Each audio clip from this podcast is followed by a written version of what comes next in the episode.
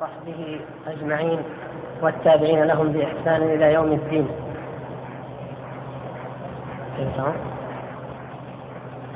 أما بعد فكنا قد انتهينا بفضل من الله وتوفيق في الأسبوع الماضي من تفسير آيات الحكم بغير ما أنزل الله من سورة المائدة. واستعرضنا نماذج مما علق به السلف الصالح والمفسرون في تفسيرها. وأحسب إن شاء الله تعالى أن الأمر قد اتضح للإخوة الكرام وأن هذه المسألة قد أصبحت بإذن الله جلية بما لا مزيد عليها وكنا قد وعدنا الإخوان عند أول دراستنا لهذا الموضوع بأن نأتيهم ببعض النماذج الدالة على جرأة هؤلاء على أحكام الله سبحانه وتعالى واعتدائهم على صفات الله على حق الله الذي لا ينازع فيه وهو أنه وحده الحكم سبحانه وتعالى ولم يرجع إليه عند الاختلاف وما اختلفتم فيه من شيء فحكمه إلى الله. ثم وعدنا أيضا في الحقيقة ببعض النماذج الدالة على تناقضه وتحاربه أو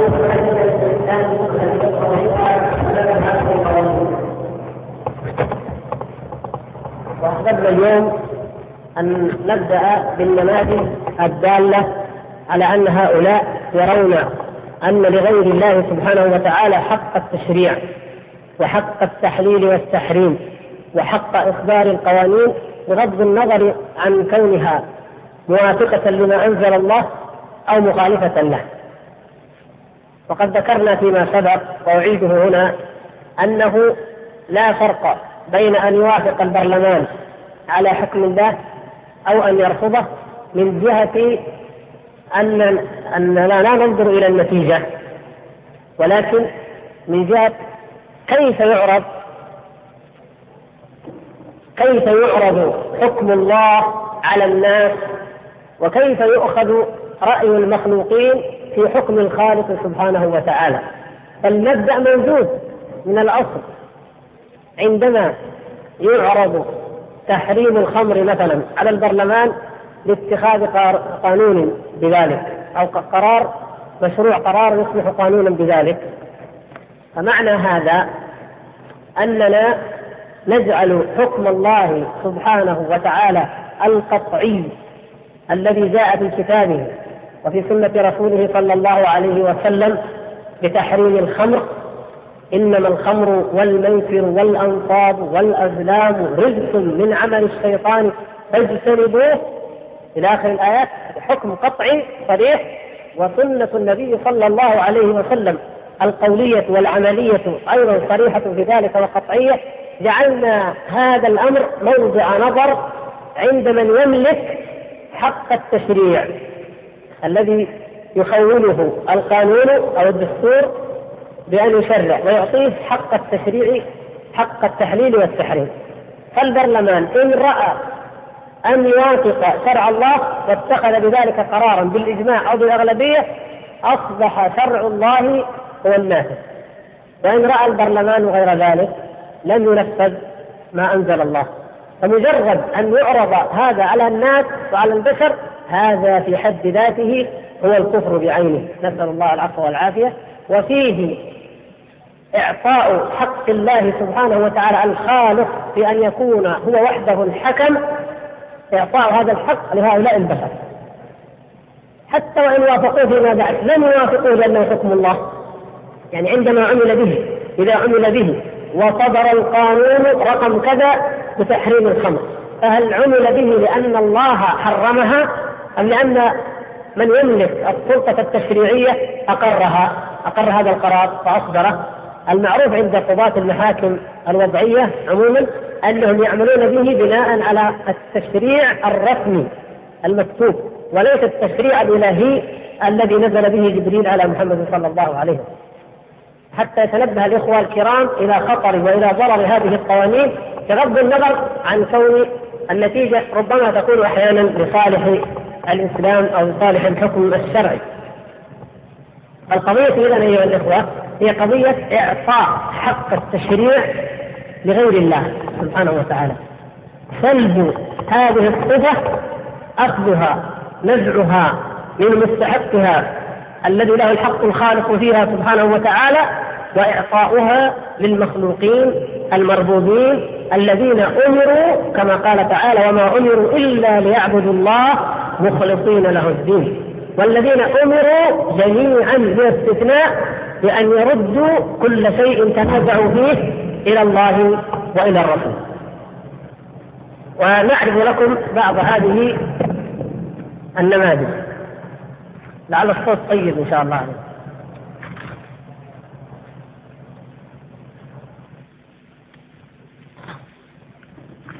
طبعا الإخوان منكم الذين يدرسون في كلية الإدارة مثلا في بعض الكليات الأخرى يعني بل بل فتح قسم خاص يسمونه قسم القانون مع الأسف الشديد.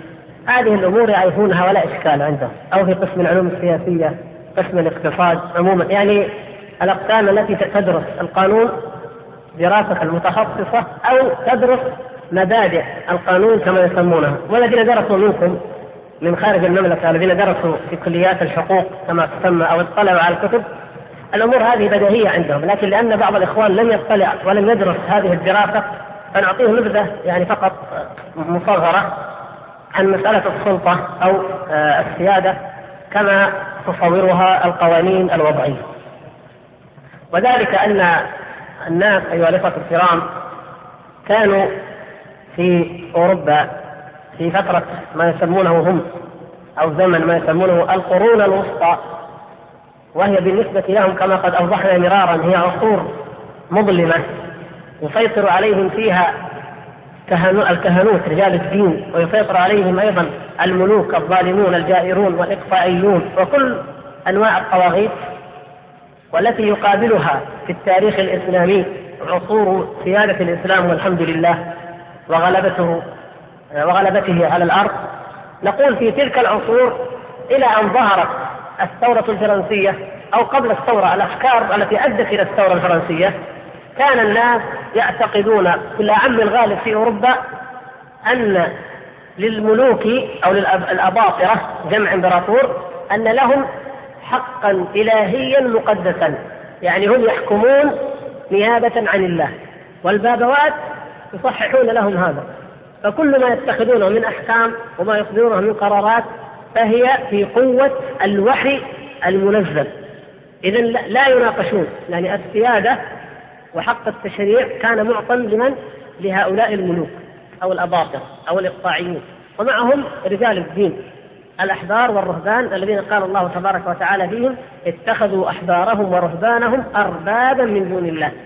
ووضحها حديث عدي بن حاتم رضي الله تعالى عنه وهي أنهم كانوا يطيعونهم ويتبعونهم في تحليل الحرام وتحريم الحلال. هكذا الحق كان حقا إلهيا مقدسا. فيشرعون ما شاءوا وهذا التشريع مستمد من ماذا؟ من الله يعني من من الحق إلهي حق إلهي له ويسمونها نظرية الحق الإلهي. هذه النظرية التي كانت النظرية السائدة في أوروبا. نافسها وظهر ضدها نظرية أخرى. في الحقيقة هي عدة نظريات لكن لها اسم واحد تقريبا يشملها وهي ما يسمونه نظرية العقد الاجتماعي. العقد الاجتماعي كما فسرها جان جاك كروسو تقول إن الناس ليس لأحد حق إلهي من أن يحكم أحدا أو يسيطر عليه ولكن المسألة هي أن الأفراد متعاقدون مع الحكومة مع السلطة أيا كانت السلطة. السلطة متعاقدة مع الأفراد والأفراد متعاقدون معه عقد بين الطرفين يسمونه العقد الاجتماعي. السلطة بموجب هذا العقد تتنازل عن أشياء وتلتزم بأشياء. والرعية أو الشعب بموجب العقد الاجتماعي أيضا يتنازل عن بعض حقوقه للسلطة لتتصرف فيه وتأمر وتنهى وفي نفس الوقت يطالب بمقتضى العقد بحقوق له. يعني فهي مثلا حقوق وواجبات أو التزامات على السلطة من جهة وعلى الشعب من جهة. الغربيون اعتبروا هذه فتحا عظيما. وإن كان ظهر من الغربيين أنفسهم من يفسر السلطة العقد الاجتماعي لمصلحة الاستبداد كما يسمونه. يعني يقول يقول نعم العقد موجود ولكن بمقتضى هذا العقد ولأن العوام لا حكم لهم ولأنهم لا لا يعرفون الخير من الشر ولأن كذا. فيكون الحاكم أو تكون السلطة مخولة بأن تفعل كل شيء. يعني فسروا العقد أو من خلال العقد استدلوا لكن جعلوه لمصلحة الأمر الواقع. وهكذا كان الخلاف الشديد فيما بين المفكرين والفلاسفة في أوروبا. لما قامت الثورة الفرنسية وقد تعرضنا لها في موضوعات سابقة عرضا أو من خلال الأسئلة لما قامت وهي قبل 200 سنة وسنة من الآن أو أكثر شوية شهور لما قامت هذه الثورة قامت مستندة على نظرية العقد الاجتماعي وليس على نظرية الحق الإلهي. فلأول مرة في, تاريخ الإنسانية يعطى حق السيادة والتشريع والتحليل والتحريم للشعب. والشعب يختار سلطته ويعقد معها هذا العقد ثم تشرع ما تشاء وتحلل ما تشاء وتحرم ما تشاء. الصورة الوحيدة التي وجدت قبل هذا للحكم أو إعطاء هذا الحق للبشر بشكل صريح منقطع عن الله سبحانه وتعالى عن الأديان هي ما حدث في نظريات أو ما كان من كلام أرسطو وأفلاطون وأمثالهما حيث تخيلوا المدينة الفاضلة. وأرسطو أفلاطون في كتابه الجمهورية جعلها آه، نظرية مقررة وذلك بأن يقول بأن الفلاسفة هم الذين يحكمون. يعني حق التحليل والتحريم والتشريع لمن؟ للفلاسفة. لأن العوام ما يفقهون شيء. العوام لا حكم لهم. يعني كل هذه النظريات مأخوذة أو مبنية على أساس الكفر بالوحي وأن الله تبارك وتعالى عن ذلك خلق الناس وتركهم هملا. لم ينزل عليهم كتابا ولم يرسل إليهم رسلا يردون ما تنازعوا واختلفوا فيه إلى ما جاءهم به هؤلاء الرسل من الوحي فهم لا يكفرون بالوحي نهائيا. فإذا كفروا بالوحي ما بقي إلا البشر. فإما أن يقال إن الحكم للجميع وهذا ما كان يحدث في بعض المدن اليونانية وهذا يسمونه آه، السيادة الشعبية المباشرة أو الحكم الشعبي المباشر.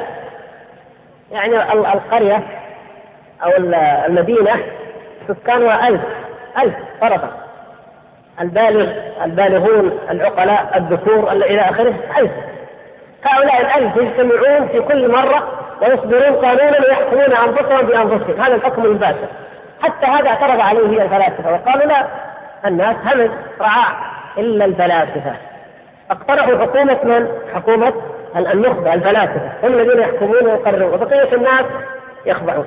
نقول هذه الصورة بقيت يعني مطموسة على مر القرون حتى جاءت الثورة الفرنسية فقالت الحق والسيادة للشعب ظهر في مقابلها أنصار الملكية التي كانت قائمة والتي ثارت عليها الثورة الفرنسية وكانوا يرون بأن السيادة يجب أن تظل محفوظة لمن؟ للإمبراطور أو للملك.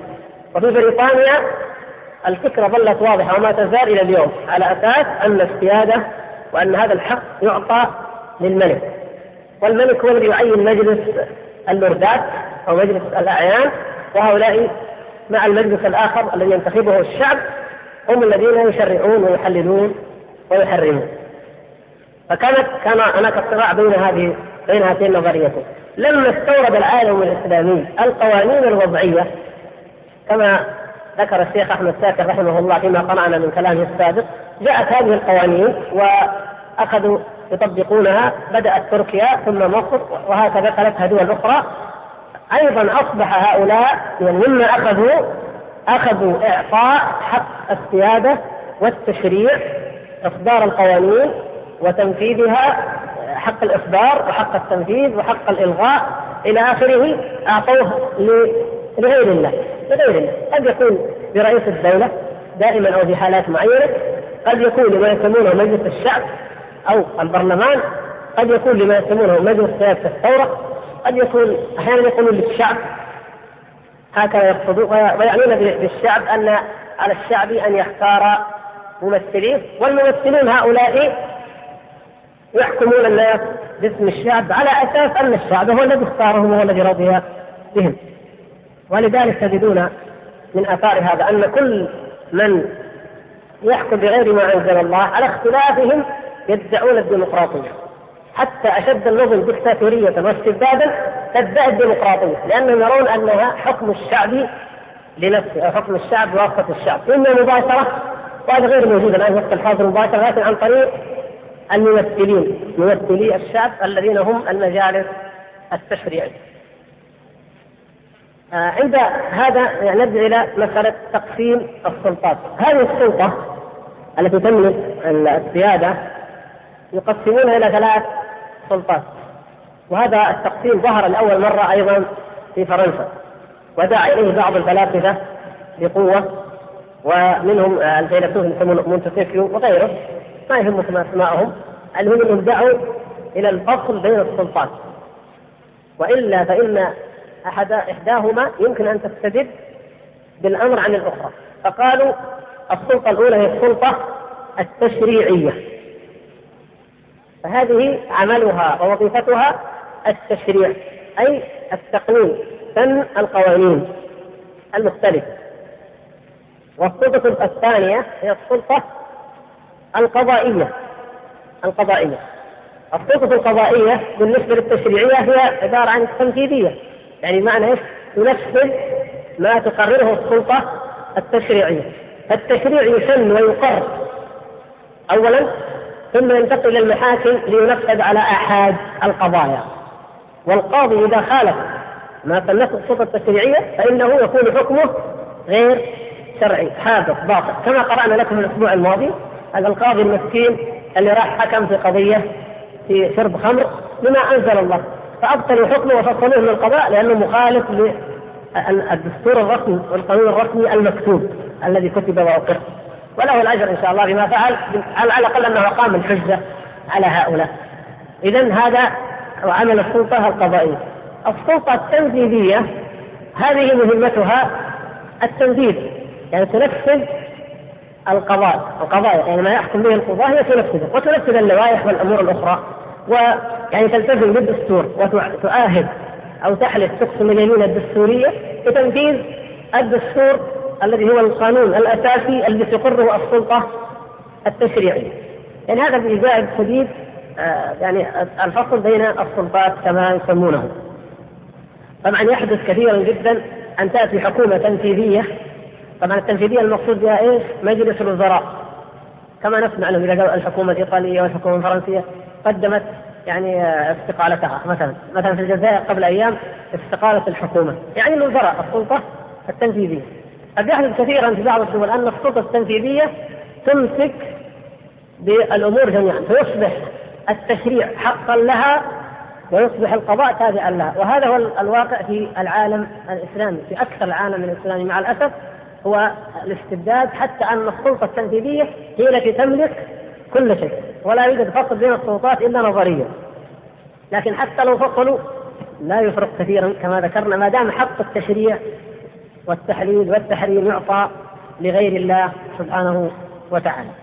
ففي الواقع يحدث مخالفات لكن من حيث الجانب النظري نجد أن القوانين والدساتير في البلاد العربية أو الإسلامية عموما يعني الإسلامية بحكم الانتماء الجغرافي أو الانتماء التاريخي. هذه تنص على إعطاء هذا الحق لغير الله سبحانه وتعالى. فبنستعرض بعضا منها أيضا. يعني حتى يعلم الإخوة أن ما قلناه هو واقع هو حقيقة واقعة وليس مجرد افتراض. ولنعلم خطورة هذا الشرك العصري ولنعلم أن من قام بجهاده بما استطاع فإن ذلك واجب على الأمة وهو مأجور إن شاء الله تعالى. ويجب أن ينصر. ولو بالحجة العلمية على الأقل بالبرهان العلمي والحجة العلمية.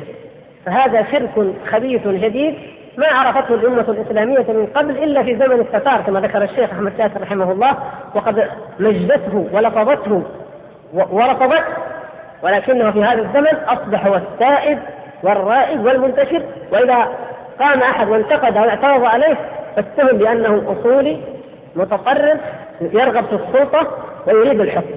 وكما ترون اقرأوا هذه الأيام جميع الصحف العالمية بلا استثناء. التي تتعرض لموضوع تونس أو الجزائر أو غيرها.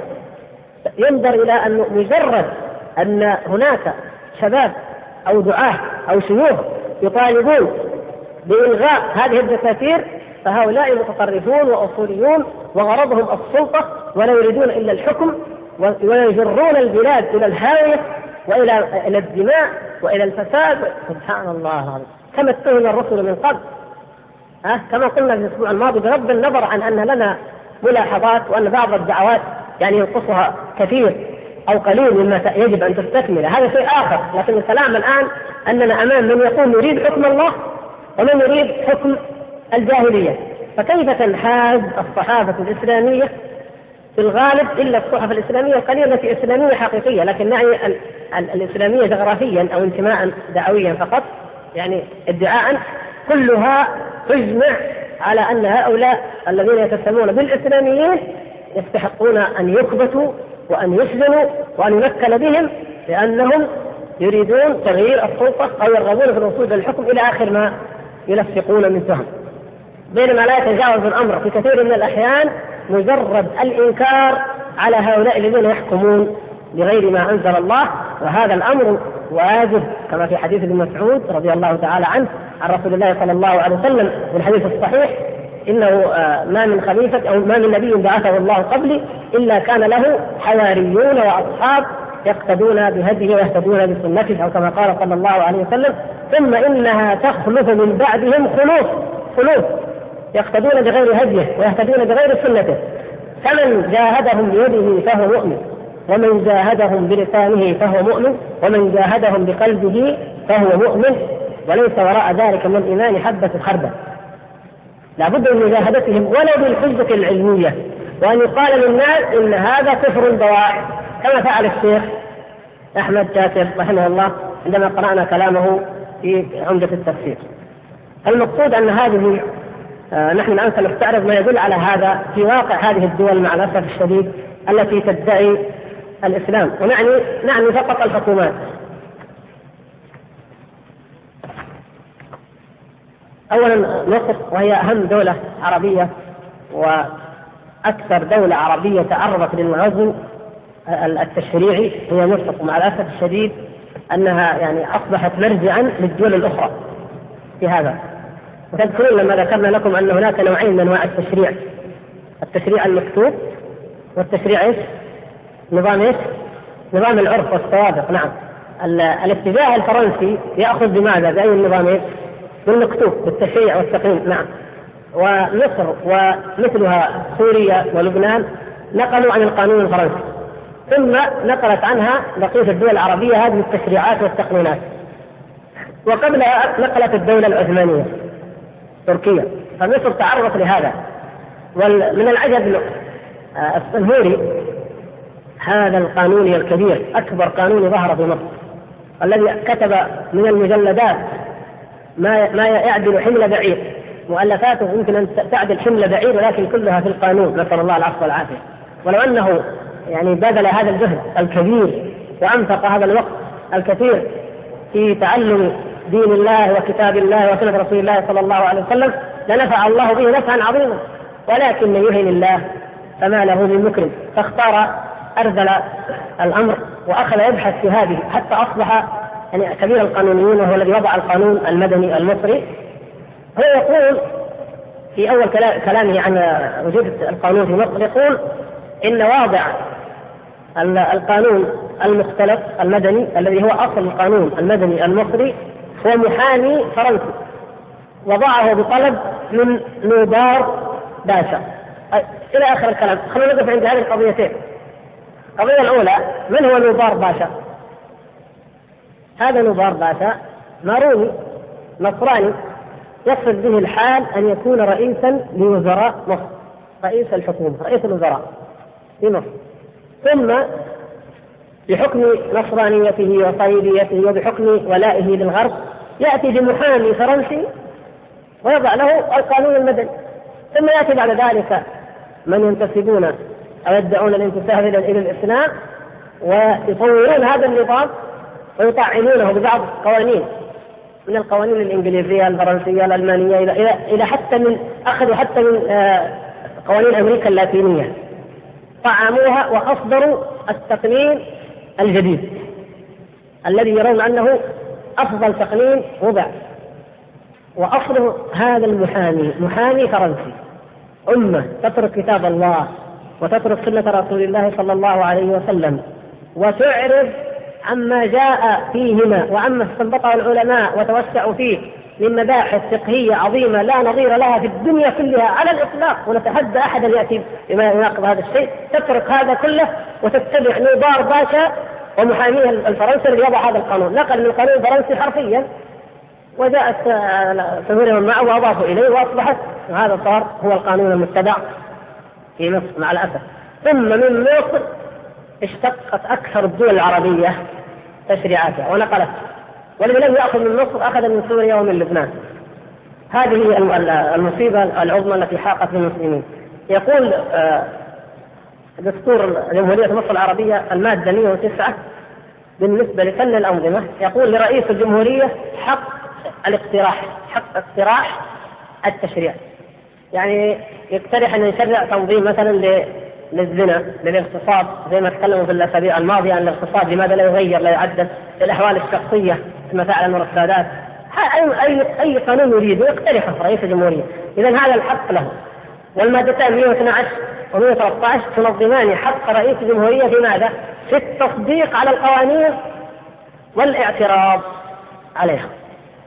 اذا بعد أن يقر القانون رئيس الجمهورية إما أن يصدق عليه فيصبح شرعا نافذا. وإما أن يعترض عليه يرده يطعن فيه. إذا من الذي يملك حق التشريع؟ مرجع التشريع لمن؟ أصبح رئيس الدولة. نعم. الدستور السوري الذي صدر عام 1973 1393 وحصلت بسببه مشكلات كثيرة جدا.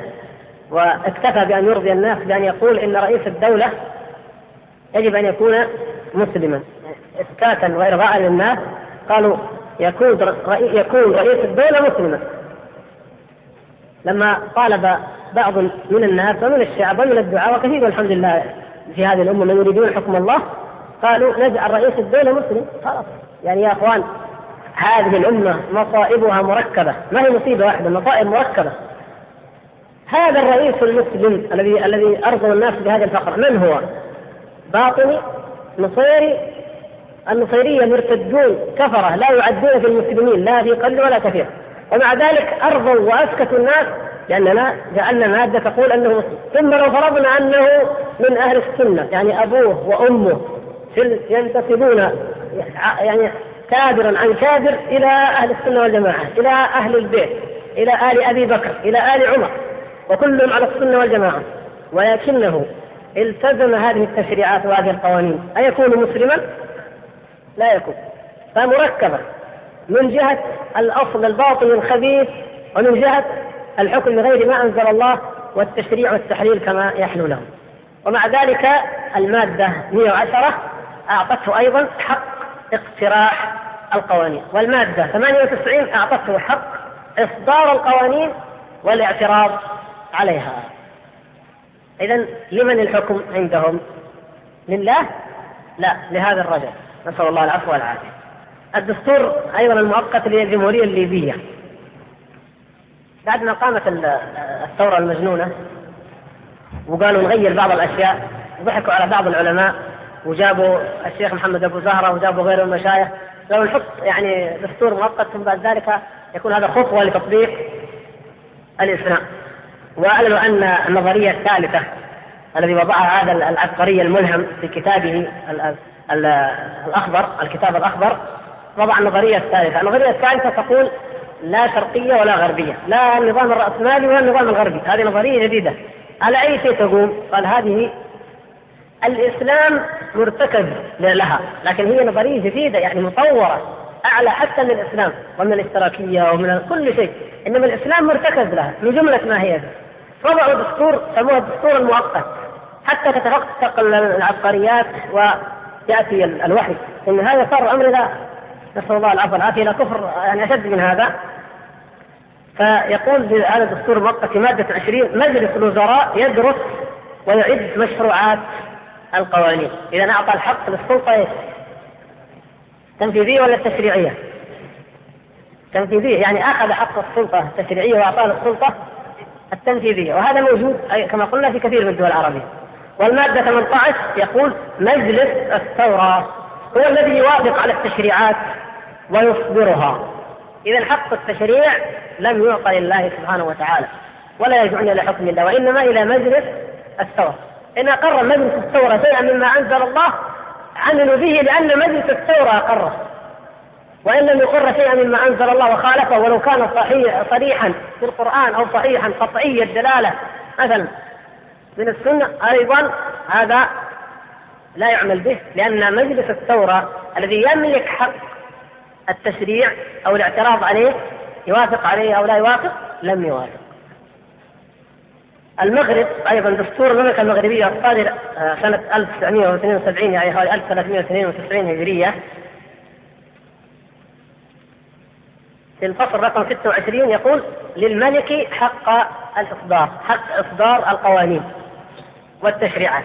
إذا فالمرجع والحكم عندهم هو من؟ هو شخص هذا الحاكم. قال والفصل الثالث عشر و 66 و 87 عفوا من يعني آه الدستور المغربي وغيره من الدساتير يعطي الملك ثلاث حقوق، الحق الأول أن يصدر التشريعات والحق الثاني إعادة النظر في في التشريعات اللي يسمونه قراءة القانون من جديد، والحق الثالث في طرح القانون للاستفتاء الشعبي وأخذ الموافقة عليه.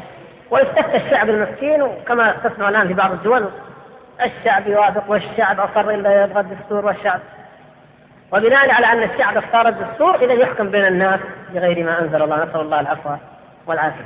فإذا له حق إصدار التشريعات وحق قراءة جديدة للقانون بمعنى تغيير كما يشاء وحق أيضا طرح ذلك للاستفتاء الشعبي. آه، دولة الكويت نفس الشيء المادة 65 نفس الحقوق الثلاثة تعطيت للأمير ومع الأسف الشديد جدا أن الكويت قبل الحرب لما اجتمعوا هنا في جدة أجمعوا على مشروع أو دستور 63 ثم الآن حتى من بعض الدعاة الإسلاميين يطالبون بتنفيذ الدستور سبحان الله العظيم دعاة إيش؟ دعاة ماذا؟ يا أخي على الأقل لا يكون لك رأي. إذا لم تستطع أن تقول نريد كتاب الله وسنة رسوله صلى الله عليه وسلم فلا تقعد معهم لا تحضر معهم لا تشاركهم مع أنه الحمد لله الواحد يقدر يقولها. يقدر يقولوها سواء هنا في المؤتمر الذي عقد في جدة كما تذكرون أو الآن يقدر يقولها. يقيم الحجة يقول نريد كتاب الله وسنة رسوله صلى الله عليه وسلم. لكن أناس ينسبون أنفسهم إلى الدعوة الإسلامية ويقولون نحن نطالب بدستور 63 الذي يكفل الحريات والحقوق والانتخابات. سبحان الله. وإن كان يعني بعضهم يتأول إذا طبقوا هذا الدستور وعرض الاستفتاء عرض أمر القوانين والدساتير وأمر الشريعة الإسلامية عرض على الشعب الشعب لن يختار إلا الإسلام. هذا كلام يقال في الخيال لكن في الواقع غير ذلك. بغض النظر كما أشرنا حتى لو أن الناس لو عرض عليهم الشرع ما اختاروا إلا الشرع. هل حكم الله سبحانه وتعالى على سبيل التخيير؟ هل نخير الناس اذا تبغوا حكم الله ولا حكم آخر؟ ونقول واثقين أن الناس سيختارون حكم الله. طيب. وإذا لم يختار؟ الأول جعلنا حكم الله على التخيير وهذا كفر عياذا بالله. لأنه معنى ذلك أنهم لا يقولون بشهادة أن لا إله إلا الله وأن حكم الله ملزم وأن الله هو الرب سبحانه وتعالى. ألا له الخلق والأمر. فيجعلونه هو الخالق ولكن يجعلون الأمر لغيره وجعلوا حكم الجاهلية هو الحكم. فاولا من يضمن لنا؟ ثانيا إذا اعترض معترض وقال لا نريد حكم الله لا نريد حكم الشريعة نسأل الله العفو والعافية. لماذا تعاقبونه؟ ما يعاقب بشيء طبعا. لماذا لا يعاقب بشيء؟ لأنه مارس حقا قانونيا له. حق قانوني بكيفك تبغى تصوت على الشريعة أو على أي قانون آخر؟ أنت حر بقوة. الدستور الدستور يعطي كل مواطن الحق أن يختار. أنت تختار الحزب الذي تريد تختار المشروع. الدستور أو ترفضه أنت حر. ويكفي هذا نسأل الله العفو والعافية. ولو واحد لو ما في إلا واحد من مليون يقول أريد غير حكم الله ويقال من حقك خلاص أنت حر. وهذا بقية المليون يريدون حكم الله نقول من حقكم كما تشاءون. لا هذا ولا هذا. كل الخلق ملزمون ومتعبدون ومأمورون بأن يتبعوا حكم الله وحده. وإلا فليسوا بمسلمين. معنى كلمة الإسلام هو هذا. ولهذا يقول الله تبارك وتعالى يا أيها الذين آمنوا ادخلوا في السلم كافة. والسلم هو الإسلام. ادخلوا في الدين يعني كله. وقال وقاتلوهم حتى لا تكون فتنة ويكون الدين كله لله. كله. لا بد أن يكون لله سبحانه وتعالى. وإذا كان كذلك فلا تخيير وما كان لمؤمن ولا مؤمنة إذا قضى الله ورسوله أمرا أن يكون لهم الخيرة من أمرهم. هؤلاء جعلوا المسألة اختيار. إن تبغى توافق وما تبغى توافق. فيطالبون بالعودة إلى هذا الدستور الذي يعطي حق إصدار القوانين وحق الاعتراض عليها وحق طرحها للناس للحاكم. دستور الأردن نفس الشيء. المادة 31 تعطي يعني الملك حق التصديق وحق الإصدار. تونس هذه أعجب وأعجب طبعا كما تعلمون لأن كان المجاهد الأكبر كما يسمونه ولكنه لم يكن مجاهدا في الله وإنما مجاهدا لله مجاهدا لدين الله. طيب الله كان يجاهد المؤمنين ويجاهد لتكون كلمة فرنسا وقوانينها هي العليا. فهذا أيضا أصدر قانونا وينص على أن حق الاقتراح والفصل في أمور التشريع والاعتراض والختم هي لمن؟ هي لرئيس الدولة لهذا المجاهد الأكبر لبنان المادة الثامنة عشرة تعطي حق الاقتراح والاعتراض المادة 56 تعطيه لمن؟ رئيس الدولة وطبعا لبنان نفس مصيبة سوريا ولكن من نوع آخر يعني يقال وحتى المسلمين هناك يطالب المسلمون حتى أهل السنة يطالبون بأن يوافقوا ويقروا المصالحة الوطنية التي تنص على أن رئيس الدولة يكون مارونيا. ورئيس الوزراء مسلما سنيا. سني هذه يعني المهم أبوه واسمه بس يعني هذا هذا ما له يعني ما هو شيعي في الأصل بس ما له أي مفهوم آخر. ورئيس مجلس الشعب شيعيا والميليشيات موزعة. ميليشيا للدرون وميليشيا للموارنة والصليبيين نفسهم اللي صار عدة فئات جماعة مع فرنجية وجماعة مع سمعون وجماعة مع الجميل من من الشتى لبنان. يعني والعياذ بالله ذكر بعض بعض الاحصائيات في مجلة لبنانية ذكرت أن في لبنان 500 نحله يعني كل الأديان في العالم تقريبا موجوده حتى البهائيه وحتى القاديانيه والشيوعيين والناصريين والقوميين والبعثيين وأنواع الشيعة كلها وأنواع الباطنية بجميع أنواعها موجودة كل كل نحله كل ملة تخطر على بالك في لبنان ولو واحد أو اثنين أو ثلاثة أو عشره فيقولوا كيف يجتمعوا هذولا؟ يجتمعون على الدستور الذي ينص المصالحه الوطنية وحتى يطلب حتى من المسلمين ويقر هذا بعض علمائهم هنالك أو في غيرها من الدول أحيانا. يقرون أنكم تخضعوا لهذا الحكم الذي بوجوده رئيس الدولة يكون نصرانيا تخضعوا للنصراني الذي يملك السلطة العليا والسيادة في البلد ولا يحق إصدار القوانين والاعتراض عليها. وتخضع للرافضي الذي هو يرأس مجلس الشعب. وهذا السني في الوسط التنفيذي الذي رئيس الوزراء هذا ما هو إلا تنفيذ إداري شكلية إدارية ولا ولا يعني كونه اسمه سني كما ذكرنا أي شيء.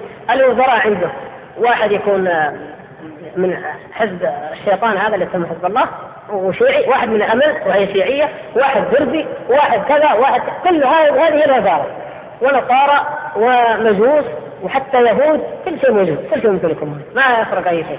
فايضا حتى تعلموا هذه المصيبة ان أن الناس ويعني هنا نلفت النظر إلى هذا بمناسبة لبنان يا إخوان الناس إن أرادوا دين الله سبحانه وتعالى فهو لا يقوم إلا بالجهد. إن أرادوا شرع الله فلا يقوم إلا بالجهد وبالدعوة وبالصبر وبالمصابرة وبالتضحيات.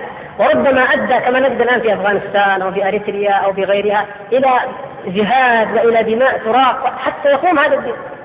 نعم لا بد من جهد. لا يقوم هذا الدين إلا بجهد وجهاد. حقيقة ما نجادل فيها. لكن لو أرادوا غير ذلك لو أرادوا الديمقراطية. تجيهم بلاش رومانيا لما بغت الديمقراطية. جاءتها بلاش ولا حمامات الدم التي أرعبت العالم. ما جاءت بلاش أوروبا الشرقية عموما لما أرادت التخلص من الدكتاتورية والاستبداد. أخذوها بلاش بالتعب بالجهد الجهيد. الشعوب والأمم التي لا تجاهد ولا تضحي من أجل إقامة دين الله يعاقبها الله سبحانه وتعالى بأن تضحي وتجاهد وتسعف وتخسر وتريق الدماء من أجل الطواغيت والمجرمين والأنظمة الكافرة المرتدة. انظر حزب البعث ماذا فعل في العراق وفي سوريا؟ هذا الحزب المرتد الكافر. وكم خسرت هذه الشعوب خسارات عظيمة جدا من أجل أن يبقى هؤلاء الزعماء المجرمون ويبقى هذا الحزب المرتد يسيطر على البلاد.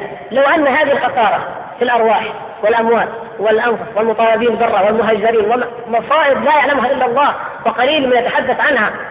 لو أنها بذلت لإقامة الدين والله ليقوم الدين في العالم كله. لأنه لو بذل بعض منها لإقامة الدين في تلك البلاد لقام. لكن الناس ضحوا وبذلوا من أجل بقاء هؤلاء المجرمين فكانت العقوبة أن يسلطهم الله سبحانه وتعالى عليهم أكثر. وهكذا في كل مكان. إما أن يدفع الناس ضريبة الإيمان ضريبة العزة ولا تنال العزة الإيمانية إلا بجهد. أحسب الناس أن يتركوا أن يقولوا آمنا وهم لا يفتنون. لابد من جهد ولابد من جهاد كما جاهد النبي صلى الله عليه وسلم وكما جاهد الرسل من قبله وصبروا وصابروا ورابطوا. وكذلك جاهد العلماء الذين جددوا دين الله سبحانه وتعالى كالشيخ محمد بن عبد الوهاب رحمه الله. انظروا كيف جاهدوا.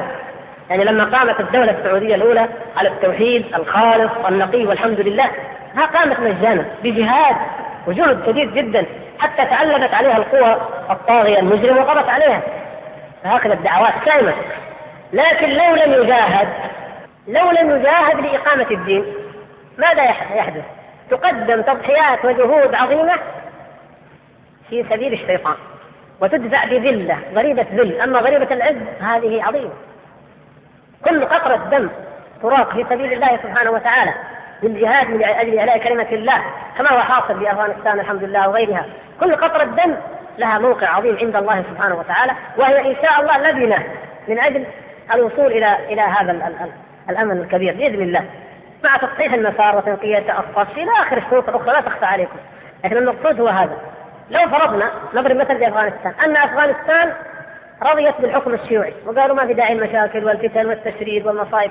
ماذا كانت؟ ستفعل الشيوعية. والله تقتلهم وتنتهك أراضهم وتأخذ أموالهم كما فعلت في, في اليمن الجنوبي وكما فعلت في ليبيا وفي غيرها وفي البعثيون فعلوا في العراق وسوريا. ويدفع المسلمون الأفغان تضحيات أعظم وأكثر وهم في ذلة. أجارنا الله وإياهم منها.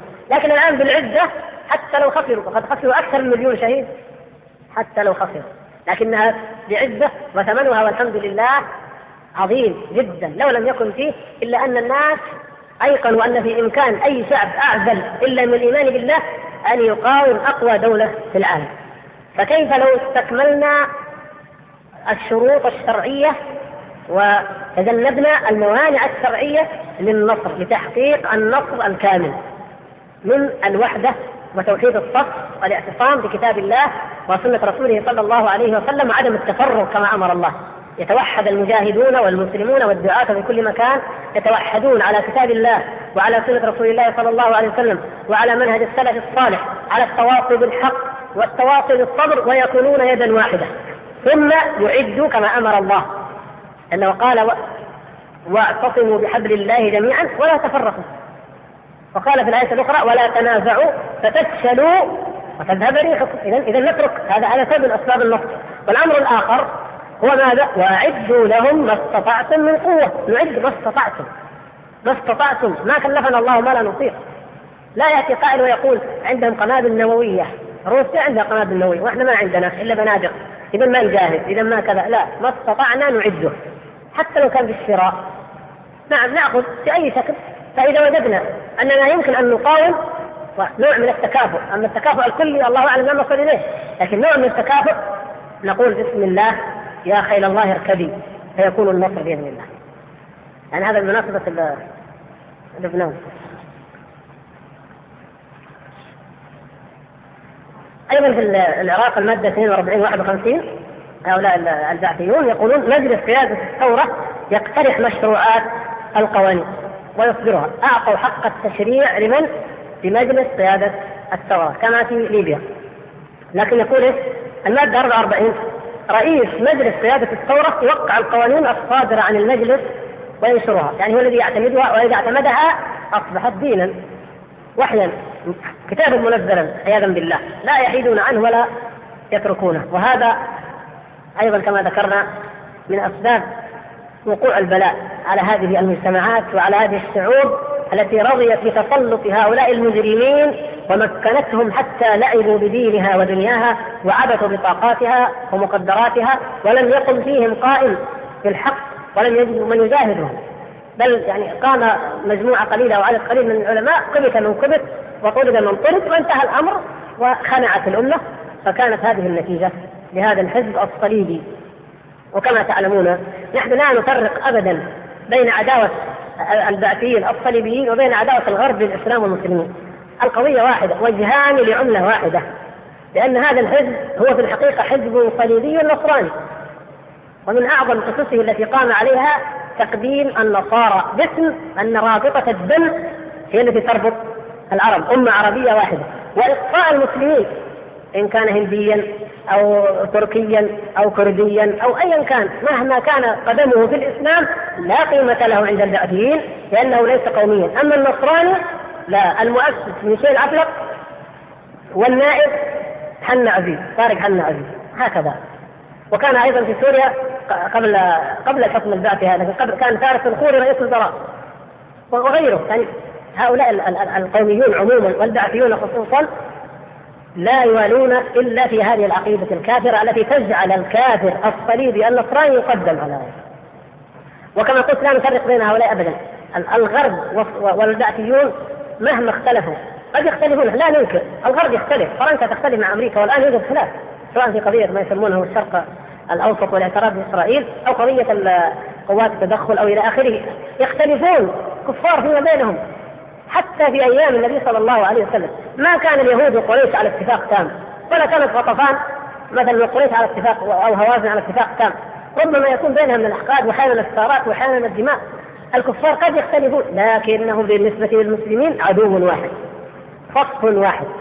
لكن حتى ولو اختلفوا أو تمردوا أو أظنوا أنهم يستطيعون أن يتمردوا على الافياد في الغرب فهم في الحقيقة يخدمون أهدافهم. ولم يخرجوا عن خدمة هذه الأهداف لأنهم كلهم لأنهم كلهم يجمعهم الصليب. تجمعهم العداوة والحقد على الإسلام وعلى المسلمين. لكن أحيانا اللعبة تتغير. واحد يتلون يلبس ثوب الإسلام والآخر يكون عدوا واضحا أو أيضا يداهن الإسلام والمسلمين. والله المستعان. هذا يعني مناسبة هذا. آه، السودان هذه تعرضت عدة مرات كما تعلمون للانقلابات؟ مع أنه يعني ميزة السودان البلد اللي يمكن نقول الوحيد الذي يشبه المجتمعات الأوروبية أو فعلا يعني حاولوا أن يطبقوا الانتخابات والديمقراطية بنحو قريب من أوروبا البلد العربي الوحيد اللي فعلا يمكن أنه آه، الناس يصوتون كما يشاءون وأن العمال كما يريدون والطلاب كما يريدون يعني نوع من الانفتاح اللي ما نجد التسعة تسعة ثلاث تسعات أربع تسعات أو ثمانية تسعة ومدري ما عندهم يعني فعلا في في أحزاب حقيقية وتمارس يعني دورها كما يقولون بفعالية والناس يرشحونها لكن ما الذي أفاد ذلك؟ حتى لو كانت ديمقراطية حقيقية ما الذي استفادت؟ ولا شيء الدمار والضياع والخسار والبوار. نسأل الله العفو والعافية. عسكريين أو الاتحاديين أو المهديين أو أي أي حكومة كانت النتيجة واحدة لأنها لم تحكم بما أنزل الله سبحانه وتعالى ولم يكن آه، هدف أي من هؤلاء الحكم الخالص بما أنزل الله. ونسأل الله أن يرد ظالم المسلمين في كل مكان إليه.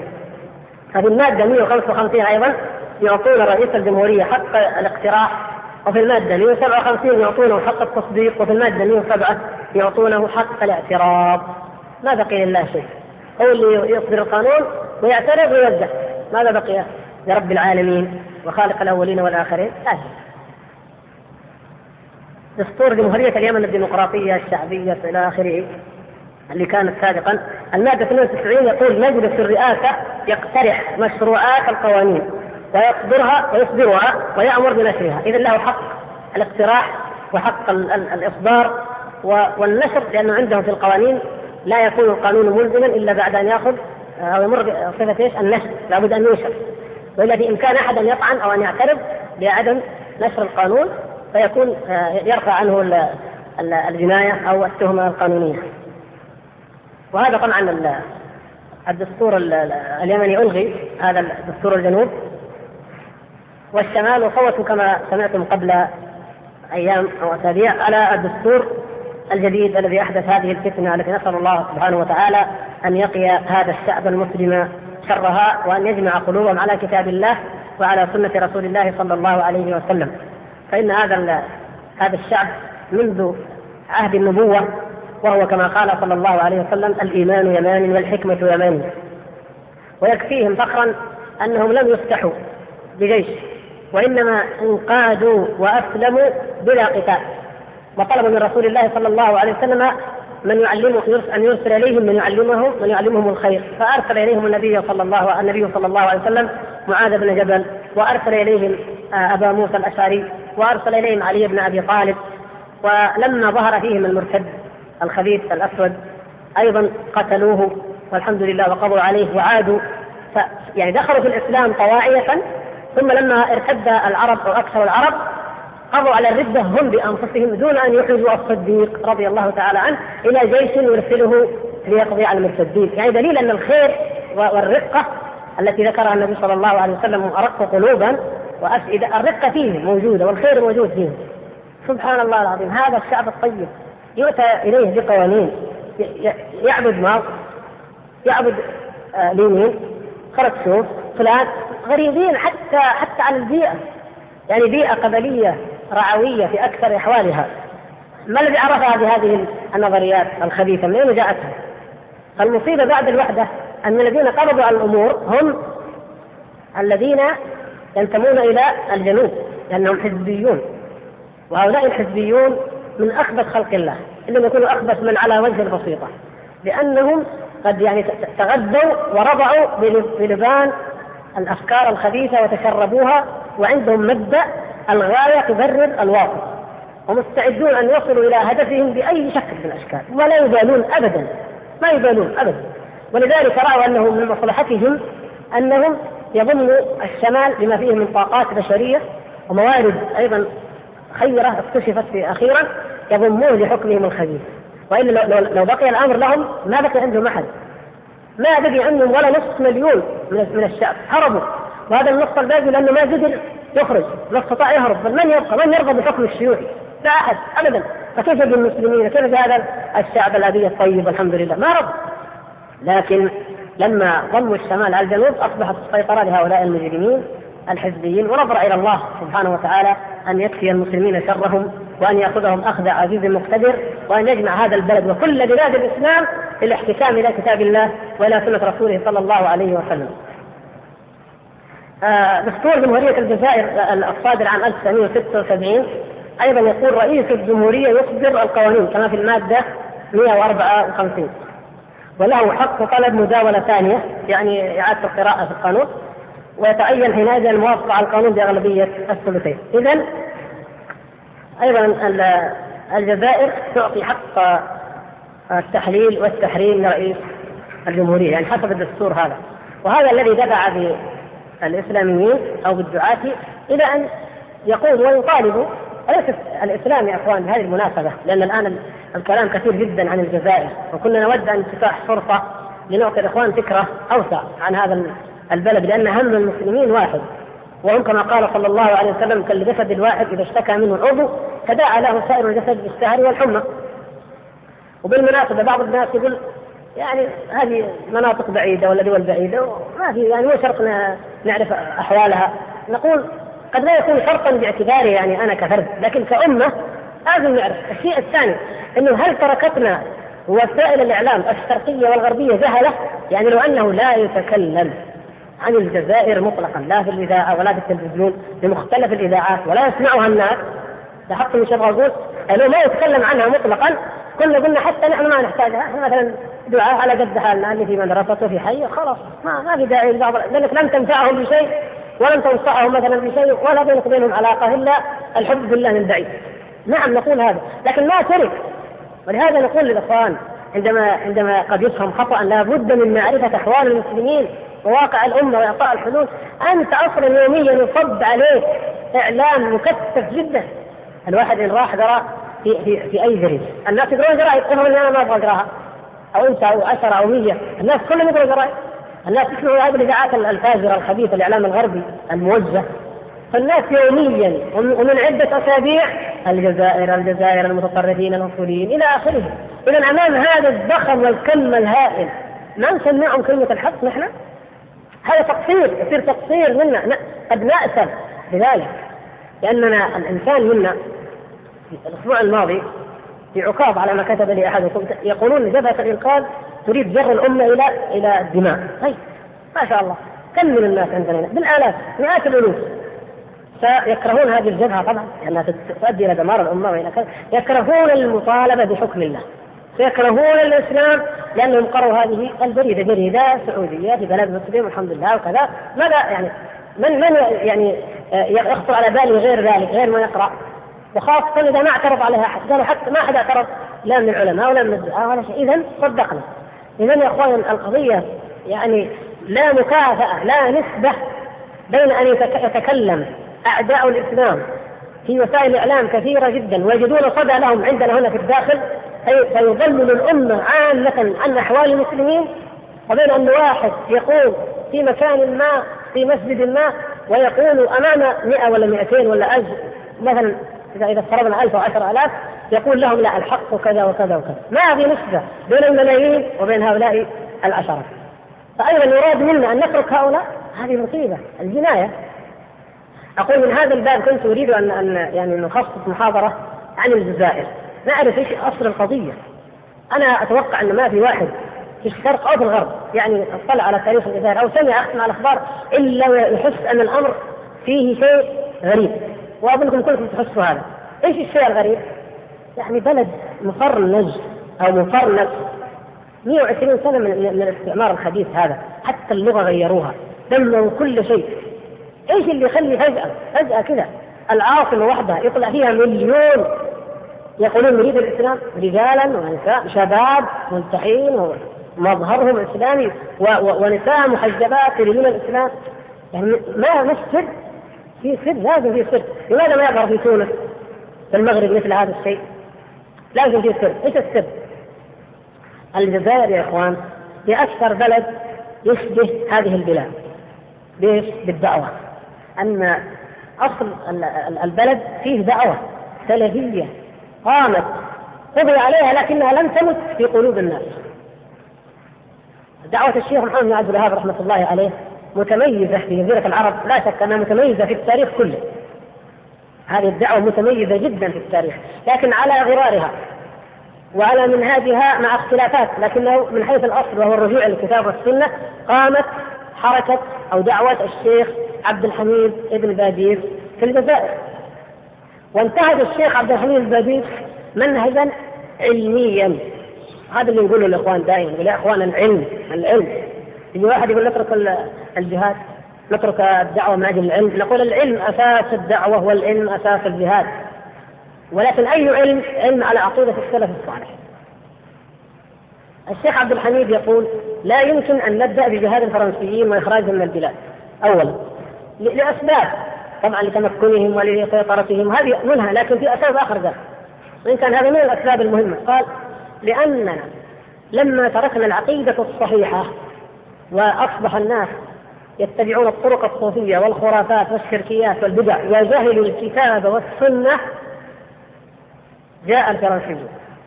ولأن الأمة ليس لها علماء يوقظونها ويحركون ضميرها ويجاهدون بها فإننا لو أردنا الجهاد لقادنا فلان وفلان من المجرمين من العلمانيين. إذا ما الفائدة؟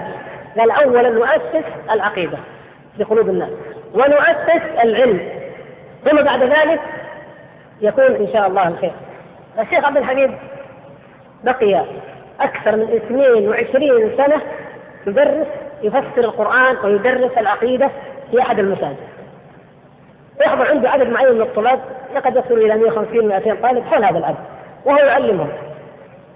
كان يتجول أحيانا ويسافر يذهب إلى بعض المناطق. إذا تلمس في طالب علم من الاقاليم المختلفة طالب علم فيه نباهه فيه نبوغ فيه خير أتى به ويصرفون عليه من الأوقاف ويجلس في الحلقة ويتعلم.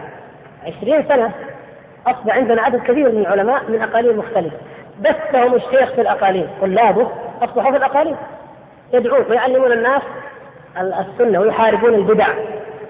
منهم الشيخ العقبي والشيخ الميري الذي ألف كتاب الشرك ومظاهره وغيرهم بعضهم لهم كتب موجودة. يعني إما زملاء للشيخ أو أو تلاميذ. المهم اتفقوا على هذا الشيء. بعد العشرين سنة نظروا وإذا الحمد لله الدعوة انتشرت العقيدة انتشرت في كل مكان والفرنسيون قابضون على البلاد قبضة شديدة. فقالوا لا بد أن يكون هناك رابطة علمية. ما هي سياسية؟ ما هي حزبية؟ حتى لا يقال هؤلاء يريدون السلطة. ها؟ زي ما تتهم مؤسسات الشرق الأوسط بجميع مجلاتها يريدون السلطة. ما هي قضية السلطة؟ رابطة علمية. يسموها رابطة علماء السلف. من فين يجي العلماء؟ المشايخ اللي درسوا اللي تفقهوا اللي تخرجوا. هذا في إقليم كذا وهذا هذا في الجنوب هذا في الشرق هذا هنا هذا هنا. اجتمعوا كونوا رابطة. المنهج موحد. لماذا؟ كلهم تعلموا على الكتاب والسنة. منهج السلف. اذا المنهج واحد. وهذه والحمد لله ميزة. إذا وجد في أي بلد وحدة المنهج هذه نعمة عظيمة. انظروا الحمد لله كيف نحن في هذا البلد. يعني منهج الاستدلال واحد الحمد لله. وهذا يوفر كثيرا جدا على الدعوة. لأنك ما تضطر تقول هذا الشيء بدعة والعلماء يقولوا سنة أو العكس. منهج الاستدلال على الأقل واحد وهذه نعم المنهج هو منهج السلف كذلك كان الحال في الجزائر مثلا.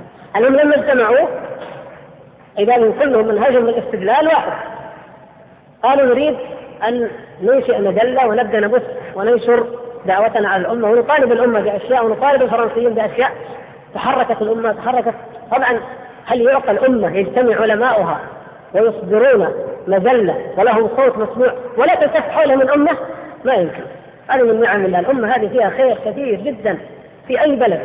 لو اجتمع العلماء والدعاة على أمر واتفقوا عليه واستمروا فيه تجتمع الأمة حولهم. تجتمع حول من إذا العلماء هم ضميرها المعبر هم الذين تثق فيهم لأنهم يقولون قال الله وقال رسوله.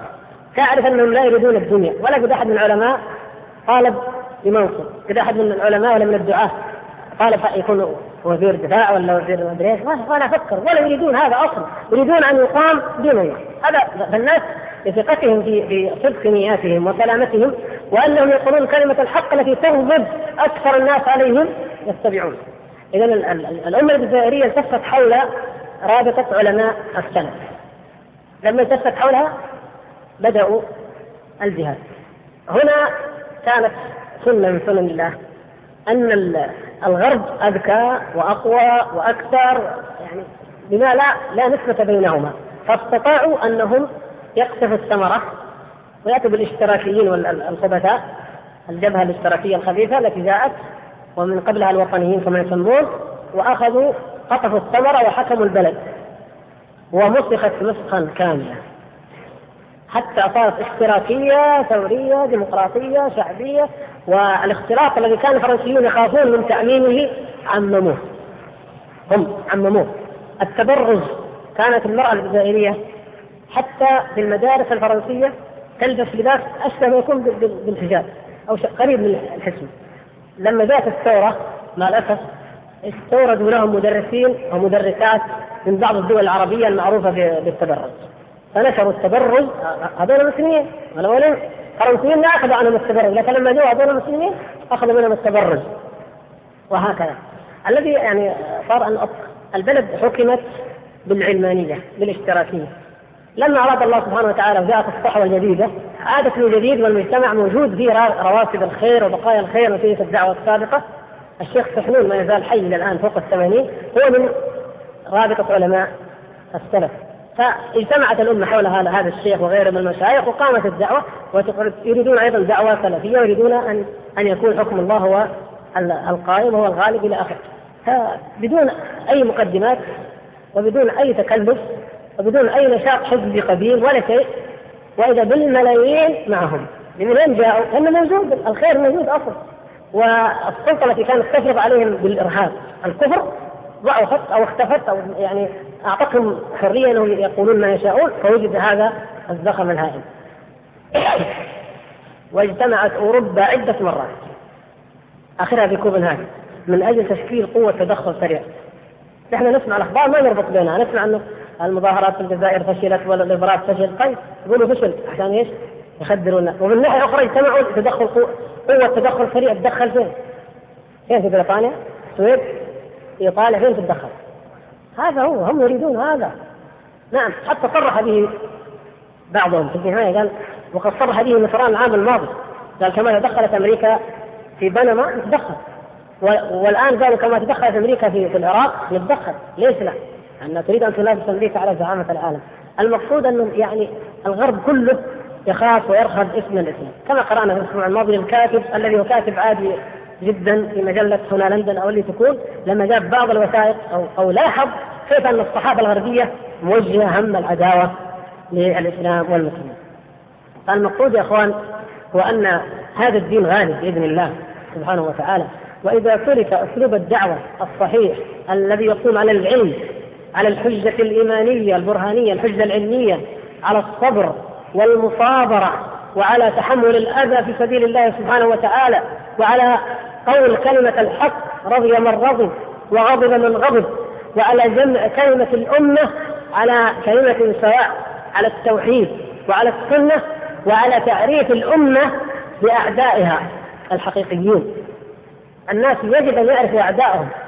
يجب على على الأمة الإسلامية أن تعرف هذا العدو فنقول الآن ما دام التسليط الإعلامي الغربي وما يدور في فلكه الآن مسلط على الأمة الإسلامية ليخدرها لأننا الآن ندخل في مرحلة النظام الدولي الجديد في عصر الانفتاح وعصر الإنسانية وعصر الديمقراطيات وعصر كذا سبحان الله وانتهت الحروب وانتهت الدماء. الناس صدقوا هذا.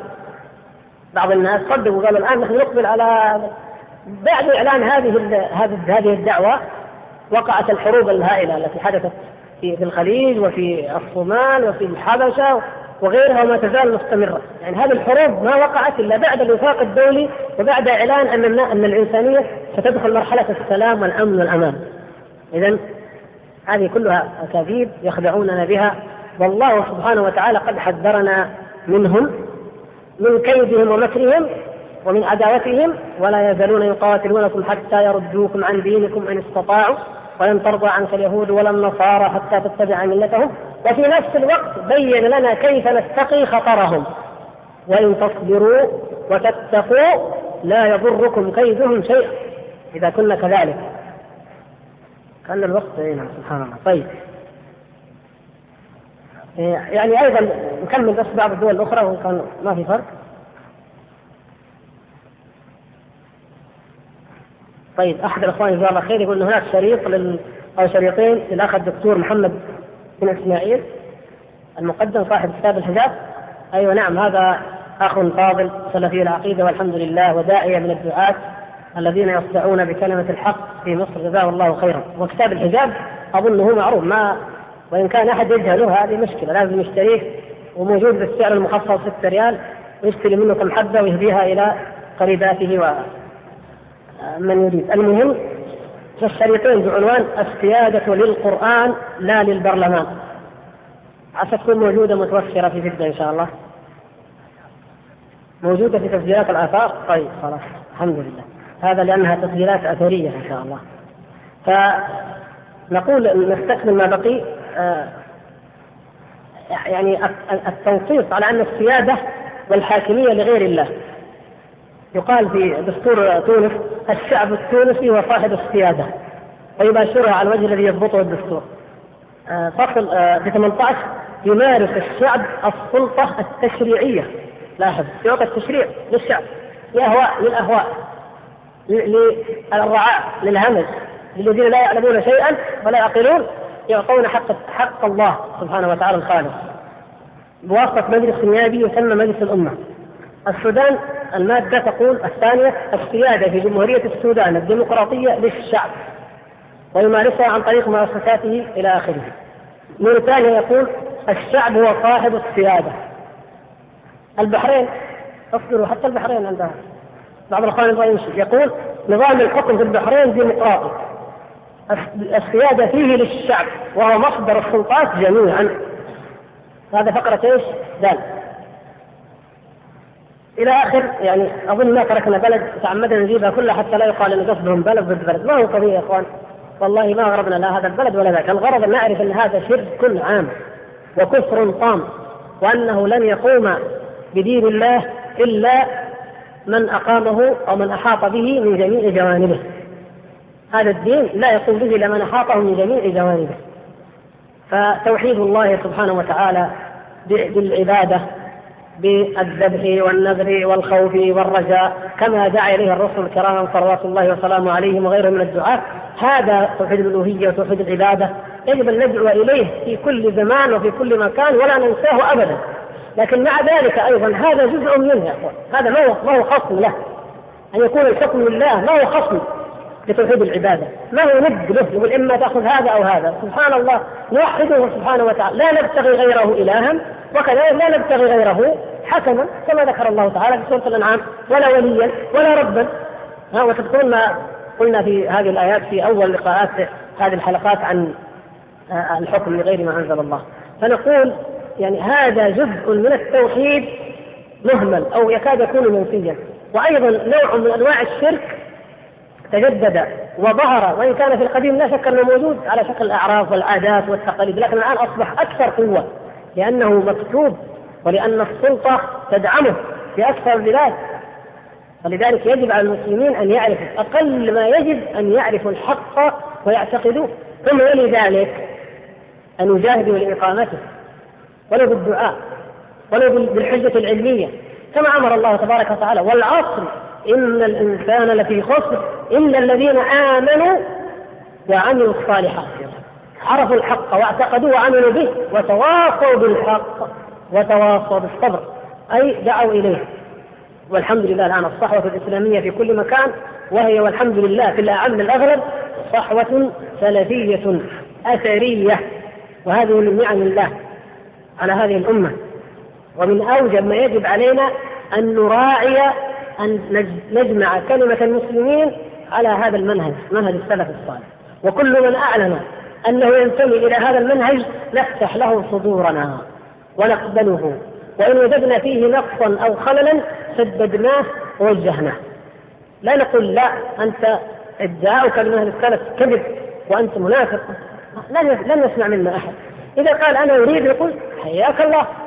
ومن من ذلك أن تكون كذا وأن تكون كذا ويلزمك كذا وينبغي لك كذا ويوجه.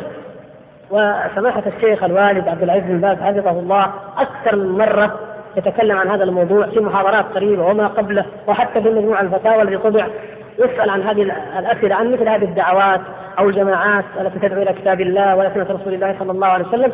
والواجب أن أن تنصح. ما حتى يعني ما فيها من خلل ما فيها من تقصير يجب أن توجه وأن تقوم وفق كتاب الله وسنة رسوله صلى الله عليه وسلم. إذا رفعت راية غير راية العقيدة السلفية نردها. إذا كان إذا وجدت دعوة على منهج الروافض نعوذ بالله ووجدت موجودة في كثير من البلاد هذه مرفوضة تماما لا نقاش معها. إذا قامت دعوة على منهج علم الكلام ومنهج الأشعرية مرفوضة.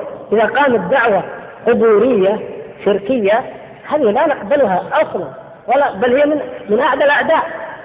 لكن من رفع لواء الكتاب والسنة وإن كان عليه أخطاء أو ملحوظات الأمور يا إخوان ناشئة الدعوة ناشئة. وأكثر الدعاة في العالم الإسلامي ليسوا مثلنا لا تقف لا تقفهم بهذا البلد. أكثرهم إما أطباء وإما مهندسون وإما الأخ محمد إسماعيل هذا اللي الآن ذكر هذا طبيب ولا لا؟ مو طبيب؟ طبيب. يعني أكثر من استقام على هذه الدعوة الحمد لله وعرفها في هذه المرحلة هم هؤلاء. وغيره كثير. المختصون الشرعيون قليل. بل ربما لو أنهم درسوا في المعاهد الشرعية كما تسمى في بلادهم أو الجامعات ولها أسماء مختلفة لكانوا إما أشعرية أو صوفية أو ما أشبه ذلك. لكن لأنهم أخذوا العقيدة نقية صافية أصبحوا الحمد لله على منهج السلف.